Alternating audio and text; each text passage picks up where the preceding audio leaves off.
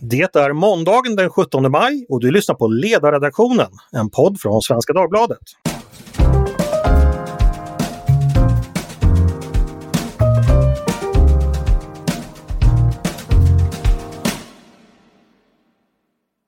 Så här på Norges nationaldag ska vi blicka västerut för att lära oss lite mer om grannlandets politik och vad den kan lära oss.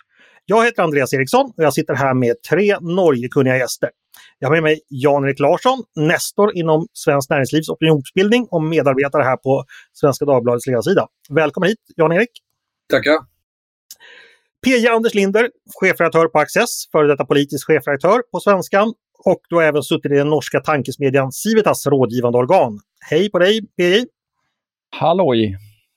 Och eh, Christian Angell, före detta internationell sekreterare för Höyre. Välkommen du också Christian!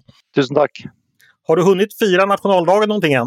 Ja, vi har spist eh, is eller glass och satt några norska flagg i vinduet och sett lite grann på norsk eh, TV. Men ellers är det ju väldigt begränsad firing, sån som situationen är nu. Med ja, jag förstår det.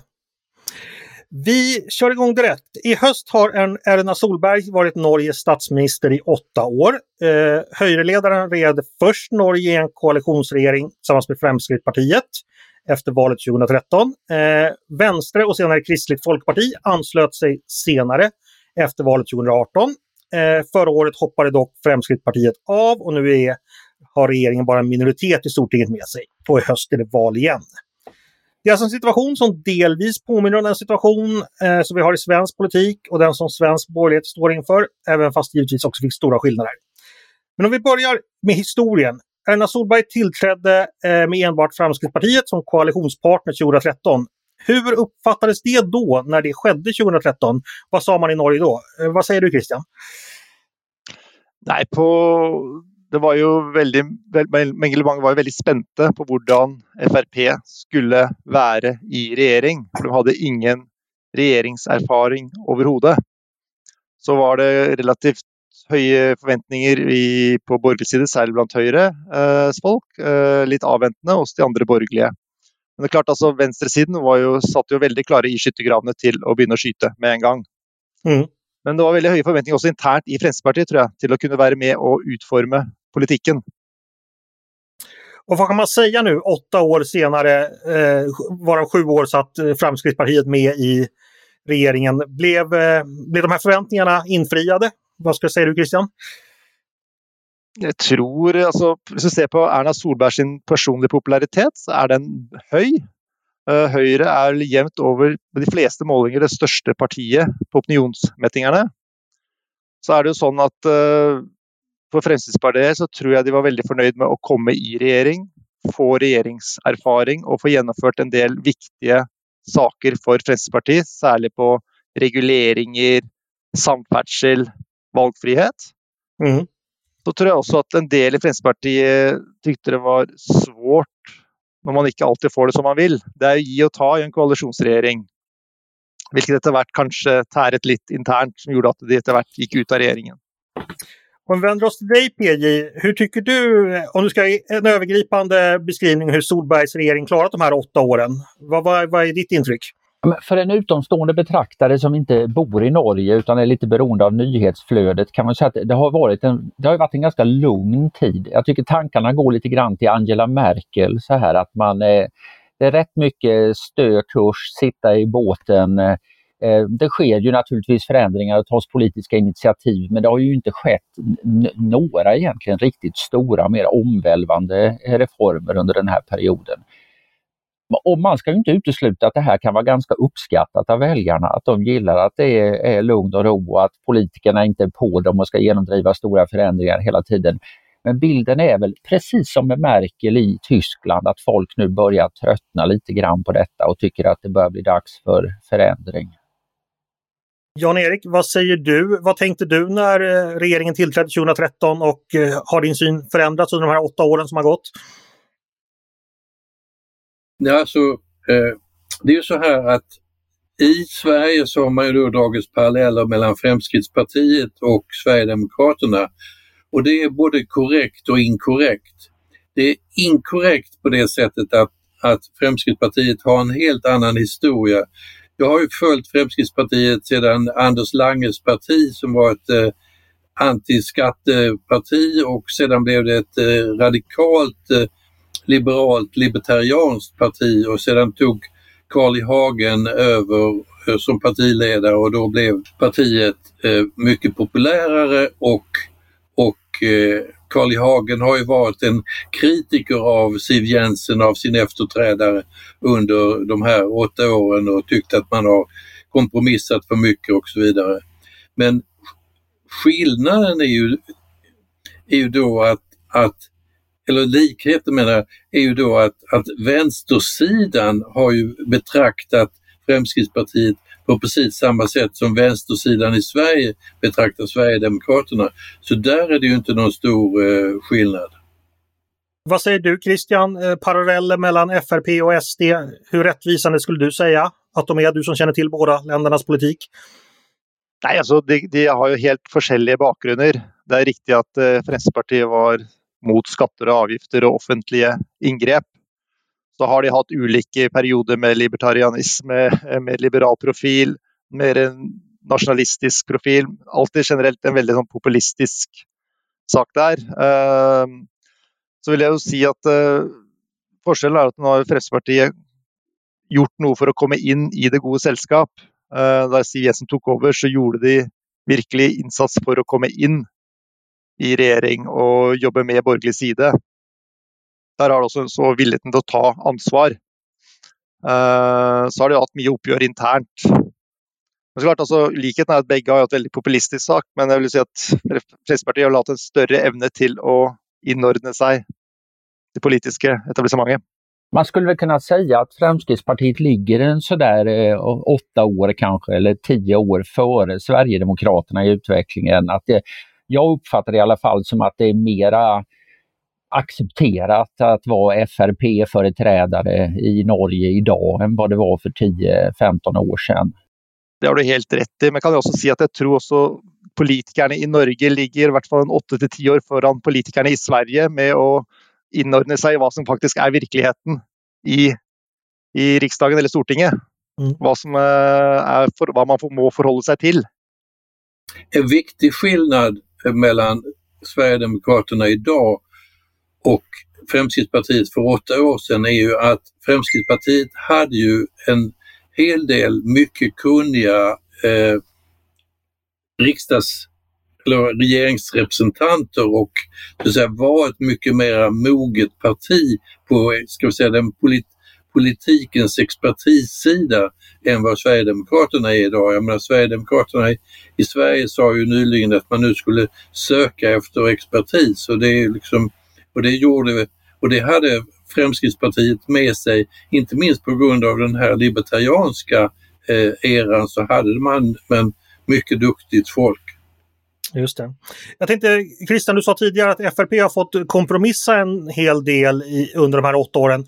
Hur mycket har partiet egentligen förändrats av sin medverkan i regeringen skulle du säga? Nej, alltså nå, Jeg kan väl säga att eh, i, i starten så, så var det väldigt inställt på att göra kompromisser. Det var jo förhandlingar och man hade en regeringsplattform som alla de fyra borgerliga partierna var eniga i. Alltså som var grunnlaget för regeringen. Så valde ju eh, Venstre Vänster och KrF att stå utenfor. Eh, det som er største forskjellen, er at Fremskrittspartiet har vist at de kan styre. Eh, så har det nå, Skiftende har Siv Jensen nettopp gått av som partileder. Eh, og Så kommer Sylvi Listhaug inn, så det er, en ny, det er en ny virkelighet nå. De skal jo da kanskje prøve å samle seg litt i bånd etter å ha gått veldig tilbake i oppslutning. Mm. Så det kommer nok til å komme flere litt enklere løsninger som ett oppositionsparti fram mot valget enn som noen som har vært med å styre i åtte år. Just det. Eh, FRP hoppade ju då av regeringen i början på förra året då, eh, och angav då att det skilda uppfattningar när det gällde de här eh, hemvändande IS-krigarna. Eh, vad säger ni om det? Hur, hur, var det väntat att FRP förr eller senare skulle hoppa av regeringen eller var det, var det en stor missräkning? Vad säger du Jan-Erik? Nej, jag, jag, tror att, eh, att eh, för Höyres del var det säkert en, en, en rejäl besvikelse därför att eh, man har ju ändå hoppats att eh, det här skulle så att säga, på sikt växa samman till en, en, mer, en mer uthållig eh, allians men, men tecknen nu med Sylvie Listhaug, hon säger ju ganska öppet att eh, hon vill absolut inte, gå, eller ja, hon vill inte helst inte gå in i en, i en ny regering utan vill stanna utanför och, och under, under nästa mandatperiod profilera partiet igen. Så att, eh, så att eh, jag tror nog att det är en, en, en besvikelse och det är ju inte så att eh, med tanke, vi har ju inte nämnt att, att de två småpartierna, Kristelig Folkeparti och Venstre, båda just nu enligt opinionsundersökningarna ser ut att trilla ur Stortinget. Så att eh, Höyre kommer att bli ganska ensamt eh, eh, med ett parti som inte vill samarbeta framöver. Det är ju inte lätt att både äta kakan och ha den och det är klart att det, Fremskrittspartiet har väl då varit uppfyllt av en, egentligen motstridiga önskemål. Man vill å ena sidan, som Christian säger, bevisa att man är regeringsduglig, skaffa sig den seriositeten och den erfarenheten. Samtidigt är ju den här populistiska eh, reflexen rätt eh, stark eh, inom Fremskrittspartiet. Eh, ja, när det gäller populism skulle man väl nästan kunna säga att FRP har varit mer populistiskt än vad Sverigedemokraterna eh, har varit. Eh, Sverigedemokraterna har ju ändå någon sorts nationalistisk ideologi de försöker hålla fast vid medan Fremskrittspartiet ju är väl i stort sett populistiskt på alla fronter man kan vara populist. Eh, man vill ha lägre skatter, man vill ha högre offentliga utgifter och man är skeptisk emot eh, invandring. Um, de eh, personer som finns i FRP eller har funnits i FRP som har haft lite mer av den här liberalistiska eh, andan i sig, de är ju rätt deppiga just nu eh, och tycker att partiet är i stort sett, det handlar om att göra av med mera oljepengar och att bli mera nationalistisk. Mycket mer än det handlar om de här frihetsidéerna man hade tidigare. Vad säger du Christian? Delar du den analysen att det är främst populister som Fremskrittspartiet ska förstås som idag? Det går ju alltid lite upp och ned eh, med Fremskrittspartiet och det är alla som har följt med på norsk politik har ju sett det. Men eh, det är helt rätt. Alltså, I förhållande till, så sammanlignar med Siv Jensen och, och, och Listhaug så är ju, var Siv mycket mer upptatt av att hennes projekt var att få partiet och visa att det var regeringsdyktigt. Projektet till Listhaug är ju att bygga upp partiet i förhållande till uppslutning så har Listhaugs alltid, Listhaugs alltid styrke vært kampanje og utspill, eh, og gjerne mye do, godos med enkle løsninger. Eh, det har ikke vært å styre. Hun har jo aldri vært den som har fått så høy oppslutning for at hun har vært en bra, effektiv statsråd. Hun har fått mye oppmerksomhet, men i forhold til gjennomføring så har ikke det vært hennes sterkeste side. Det tror jeg de fleste er enige om. Om du sammenligner med å ta Kjetil Solvik-Olsen, som var samferdselsminister, f.eks. For, for Fremskrittspartiet, eller Siv Jensen som finansminister. Mm. Just det, vi ska säga Siv Jensen avgick då eh, på eh, partikongressen förra veckan efter att ha varit partiledare i 15 år. Och som vi sagt då Silvi Listhaug tog över. Eh, Christian, vad kan du berätta mer om henne? Var, var hon en självklar efterträdare till Siv Jensen eller fanns det andra kandidater också? Hon blev ju den solklara kandidaten, eh, för det var väl ingen andra som var väldigt lysten på ledjobben akkurat nu. Hon är väldigt populär internt. Hon är extremt god på att driva kampanjer till att kommunicera med sine velgere og potensielle velgere. Eh, så det er jo det som gjør at hun er veldig stor internt. Hun er ikke redd for å bli upopulær. Hun kan si noe som er ekstremt upopulært, og så gjenta det ti ganger til. Bare for at hun mener det er rett. Og hun vet at hun snakker, hvilket segment hun snakker til. Der er hun knallbra. Og som sagt, du ser da på track recorden på å styre og være minister, eller kommunalråd som det heter også her i Sverige, eh, lokalt, så er det ikke like imponerende. Jag skulle gärna vilja föra in ett parti till i, i diskussionen, nämligen Centerpartiet i Norge. Så, som ju nu eh, har, genomgår en väldigt, eller har genomgått en rätt intressant utveckling, inte minst i uh, opinionen. Och man kan väl säga att på den här populistfronten så har ju då Fremskrittspartiet fått ganska tuff konkurrens utav en mycket skicklig eh, populist som liksom bedriver en sorts, eh, vad ska vi säga, nationalism med mänskligt ansikte skulle man kunna säga. Att, eh, Bygderomantik? Ja, ja, det är mycket eh, de, de, de gamla goda värderingarna, eh, utlandet relativt skumt med olika internationella organisationer man inte vill vara med i. Men allt sammans framfört på ett väldigt eh, ja, ganska trevligt och vinnande sätt snarare än aggressivt och, eh, och eh, konfrontatoriskt som ju eh, populistpartierna ofta brukar vara. Så lite grann är det ju så att för första gången finns det nu väljarströmmar direkt mellan Fremskrittspartiet och Centerpartiet eh, som ju eh, i några mätningar runt årsskiftet var i fullt i paritet med Höjre och Arbeid, eller ja, framförallt med Arbeiderpartiet eh, som väl har uh, sjunkit tillbaka en aning. Men det där liksom utvecklingen för det budskapet tycker jag är mycket intressant att, att följa.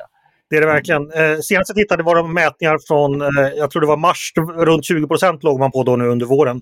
Man ska inte blanda ihop eh, Centerpartiet med Svenska Centerpartiet därför att eh, Svenska Centerpartiet eh, eh, har ju en annan profil och nu håller väl båda partierna på att bli allianspartier med, med Socialdemokraterna på, på sikt men, men det är ändå två mycket olika partier. Vad säger du Christian, Centerpartiets mm. utveckling? Ja, alltså, de har ju spilt uh, på populismen extremt gott.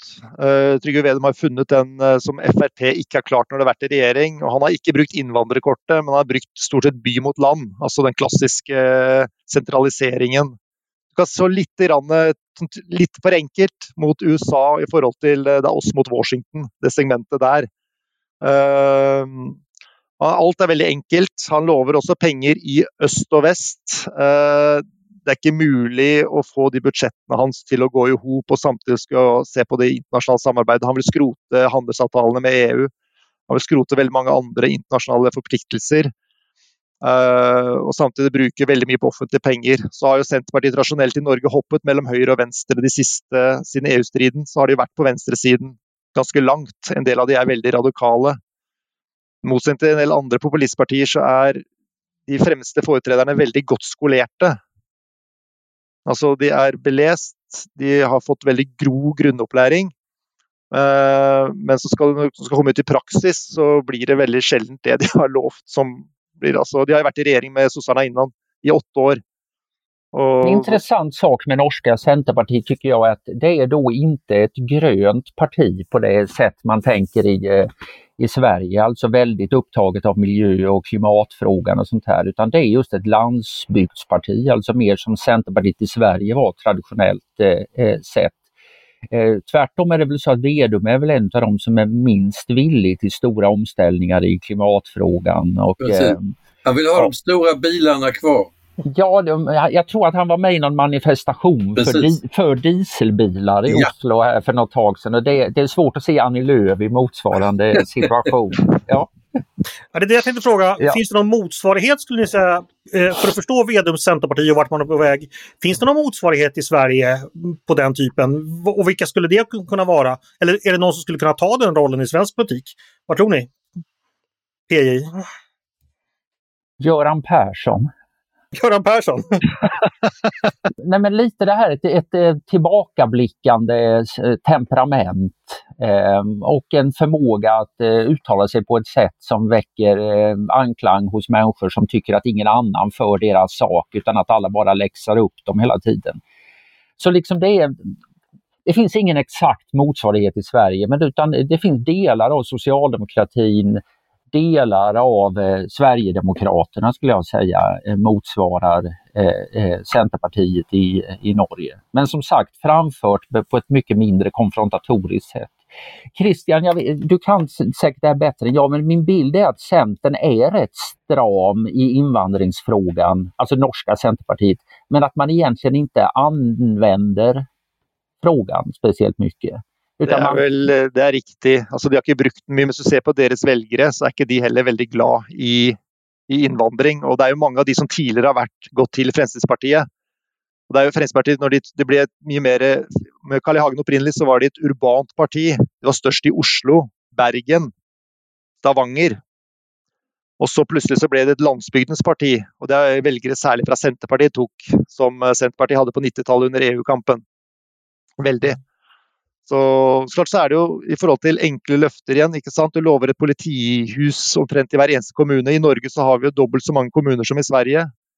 Uh, man skal gjerne ha et sykehus på hver eneste knaus. Så hver gang det er et sånt problem, så er uh, Trygve Vedum der og lover desentraliserte løsninger. Det er ikke mulig å ha. altså. Det er ikke bare dyrt, men det er ikke ekspertisen engang. Det er ikke mulig. Det där är ju himla intressant för att i vår svenska diskussion glömmer vi gärna, vi ser Norge som ett vänligt trevligt grannland, men vi glömmer bort att detta är ett av världens absolut rikaste länder. Den sortens populism som, som Centerpartiet Vedum bedriver, den är ju baserad på den här vetskapen om denna gigantiska nationella förmögenhet som man både har på, i, i kassaboken och, och fortfarande i, i havet utanför. Så att eh, Dere kan jo tenke dere når, Hvis man skulle si opp frihandelsavtalen Norge har med EU, som er definitivt den største handelspartneren til Norge altså Hva skulle være resultatet av en sånn avtale liksom, for et lite mm. land som Norge da? Da sitter vi igjen med, med lax och olja och gas. Ja precis, men, men jag tror att många norrmän tänker kanske inte längre så och gillar Vedums eh, retorik. Det är ju val här eh, snart i Norge och regeringen som det ser ut nu ligger ju under i opinionsmätningarna ganska kraftigt.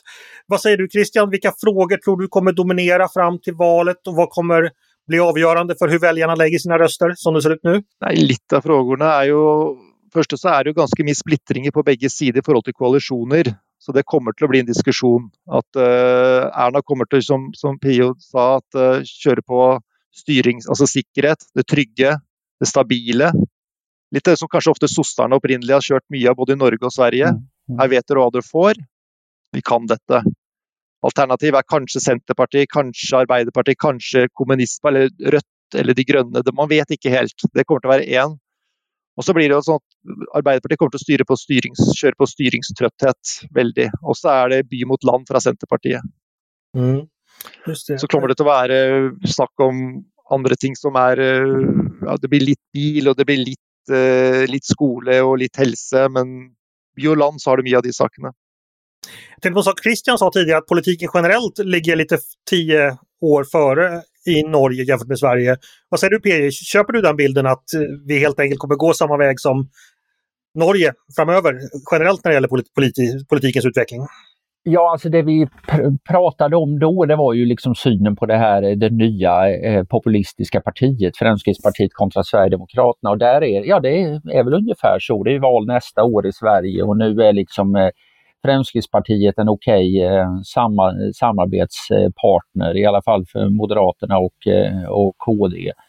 Ehm, men regeringsfrågan är väl inte aktuell i Sverige så de kanske ligger ytterligare några år eh, eh före oss. Eller så är Sverigedemokraterna slugare strateger och mm. tittar på Danmark istället för Norge.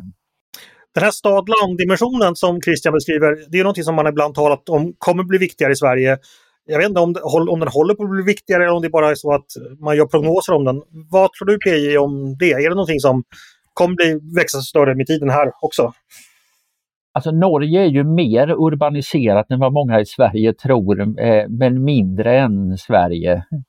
Så det är klart att landsbygden är, är, har en större eh, slagkraft politiskt sett än vad den, den, har haft i Sverige. Men vi ser ju liksom eh, eh gör man en karta eh, i, över svenska valresultat och eh, väljer färg efter största parti. Rött för eh, Socialdemokraterna, blått för Moderaterna och gult för Sverigedemokraterna. Då ser man ju att den här ut, eh, uppdelningen finns mycket tydligt redan här eh, också. Så det är klart att den, eh, den spelar roll. Men det finns ju, det finns ju i, i Norge en, en, en nationalism av ett annat slag än man, vad vi upplevt i Sverige. Men jag har följt norsk politik sedan 70, ja, 60-talet och, och när, när vi fick urbaniseringsvågen i Sverige så fanns det en otroligt stark norskt brett, politiskt brett motstånd mot urbaniseringen. Man skulle bevara landsbygden och så vidare. Och, och det, det draget skiljer svensk och norsk politik Och det här var alltså före oljan och gasen, alltså, så fanns, fanns det där. Så att det, det finns stora kulturella skillnader mellan, mellan de här grannländerna. Der er vel inne på noe, men altså I Norge så har det vært mer konsensuspreget enn i Sverige. Altså ja. Det går jo bakfra liksom fra etter krigen med fellesprogrammet, eh, hvor man har hatt en mer bredere samarbeid over blokkgrensene på, på, store ting, vært enige om de store linjer. Hvor det har vært, i Sverige vært mer, mer aggressivitet mellom partiene. Så det ligger litt der også, vill jag ja. tro, historiskt sett. En intressant sak man kan notera är ju också att även om allting tyder på just nu på att det blir maktskifte så går det ju väldigt dåligt för Arbeiderpartiet. Eh, de, det läcker verkligen åt alla håll eh, för deras del och de ligger ju bara strax över 20 i, i eh, mätningarna. Så, så de har ett problem i att eh, folk blir inte nödvändigtvis mindre vänster, men de blir vänster på andra sätt. Eh, mera det finns ett Miljöpartiet i gröna som nu har växt till sig lite. Det här rött som Christian nämnde tidigare, de eh, ser ju ut att komma in i Stortinget, eller har, har möjlighet att komma in i Stortinget av egen eh, kraft. Eh, och, men så behövs det här stora Centerpartiet för att Arbeiderpartiet ska få möjlighet att, eh, att regera. Och, eh, vi har ju länge sagt att det är Nord, Norden utgör någon sorts undantag när det gäller det här med de socialdemokratiska partiernas kollaps i, eh, runt om i Europa och det går ju långsammare här. Men det håller på att hända i Norge. En sak jag är lite nyfiken på, eh, det är nog bäst du Christian svarar på det. Alltså samarbete mellan Centerpartiet och Arbeiderpartiet, hur ser den relationen ut idag i takt med att Centerpartiet då växer till och får fler väljare? Det er et veldig bra spørsmål, eller bra fråga, og det er det veldig få som vet. Og Det avhenger litt av hvem som blir sterkest i når valget kommer, og hvor mye Senterpartiet er villig til å gi. Men jo større de blir, jo mer vil de jo kreve. Men så husk at det, historisk sett så er jo dette her altså I forhold til by og land så har jo Arbeiderpartiet og Senterpartiet stått på hver sin, side, hver sin side. Tradisjonelt så på, ute på landsbygden i Norge så har de hatet hverandre. Det har vært liksom arbeiderne eller landarbeiderne mot jordeierne. Mm. Eh, og nå har jo som sagt eh, Senterpartiet bygd seg store på egentlig tradisjonell mye borgerlig politikk, altså oss mot staten. Så der er det jo et problem, og der har jo Arbeiderpartiet brukt tiden dårlig. altså det, Sosserne de pleier å være gode på å ta makt. Det var det de gjorde med Stoltenberg 05. De tok makten. altså De forberedte seg, de bygde en koalisjon, de hadde politisk program klart med sine partnere. Nå har de ikke gjort det. Eh, Erna Solberg gjorde det samme i 2013. Hun forberedte seg også fra borgerlig side, bygde koalisjoner, hadde nytt program, politikk klart som skulle rulles ut.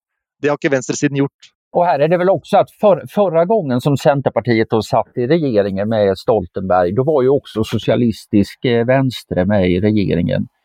Eh, och där är väl Centerpartiet, eh, de har väl hittills sagt att de inte vill ha med SV, utan de vill, de vill bilda en tvåpartiregering med Arbeiderpartiet. Ja. Och det är väl också en stor knäckfråga misstänker jag. Ja, vad säger du om det Christian? Jo, det är ju ett stort frågetecken. Alltså, hur ska de få det till? Hur ska de köra slalom alltså, i Stortinget? Uh, och det, også, alltså, det, blir ju en valkampfråga, för det är ju... SV, och om Rött kommer över spärregränsen på 4 och då snackar vi liksom något som är till vänster för vänstern. så, så är det ett helt annan tyngdepunkt, som är väldigt långt ifrån landeierpartiet Centerpartiet. Det är många frågor där som de som vil bli svåre. Mitt tips er at de kommer til å prøve å kjøre mot prøve å få seg sentrum. Hvis Venstre og KrF kommer over sperregrensen og orienterer seg mer mot sentrum. Vår tid är snart ute. Jag tänkte vi bara skulle samla ihop det här med en avslutande kommentar. Eh, finns det någon lärdom för svensk borgerlighet eh, från de här åtta åren i Norge, skulle ni säga, när det gäller att förhålla sig till populistiska eh, invandringskritiska partier och hur ser den le lektionen i så fall ut? Vad säger du Jan-Erik om vi börjar med dig? Jag tror egentligen inte att det, det, finns någon annan lektion än att, att eh, man inte ska tro att det finns några liksom eviga långsiktiga allianser. Där har ju ändå eh, Fremskrittspartiets uttåg ur, ur, eh, ur norska regeringen varit en, en läxa att, att säga att eh, man kan sikta på ett samarbete under en mandatperiod eller två men, men man ska inte tro att, att man kommer kunna skapa en bestående allians om inte man krossar eh, det populistiska partiet. PJ, du får samma fråga. Lärdomar för svensk borgerlighet från de senaste åtta åren i norsk politik? Nej, men det ligger mycket i vad Jan-Erik säger och sen eh, Sen är det ju det här med regeringsslitaget. Alltså vi ser ju att samma sak drabbar nu Erna Solberg som drabbade Fredrik Reinfeldts eh, regering. Att eh, det kokar torrt, eh, man har inte en, en idé om framtiden och då blir erbjudandet mycket mindre attraktivt. Så den här förmågan att förnya sig själv politiskt även när man är i regeringsställning, den är ju central för att man ska få sitta kvar. Sista ordet till dig då Christian. Vad är, finns det någon lektion för svensk borgerlighet att dra från utvecklingen i Norge och vad skulle den i så fall vara, tycker du? Jag tror det viktigaste svenska borgerliga bör lära sig det är om vad man samarbetar om. Inte vem man samarbetar med, så är det viktigaste. Så var det en norsk statsminister på borgerlig sida som hette Jan P Syse som sa att eh, vi kan bli hängt var för oss eller vi kan hänga samman. Han var alltid på att man skulle samarbeta på borgerlig sida och då gäller det att finna de positiva tingen som man kan få till samman och kanske inte stå var för sig. Stort tack för det. Det får bli avslutningsord idag. Eh, stort tack till Jan-Erik Larsson, P.J. Anders Linder och Christian Angell för att ni var med oss idag och pratade norsk politik. Eh, Christian, du ska få återgå till 17 maj-firandet och ni andra kanske också ska fira Norge på något sätt. Tack för att ni var med. Eh, ni har lyssnat på Ledarredaktionen, en podd från Svenska Dagbladet. Ni är varmt välkomna att höra av er till oss på redaktionen med tankar och synpunkter på det vi precis har diskuterat och också självfallet med idéer och förslag på det vi bör ta upp i framtiden. Mejla då ledarsidan snabel svd.se. Stort tack för idag! Dagens producent har varit Jesper Sandström. Själv heter jag Andreas Eriksson. Jag hoppas att vi hörs snart igen.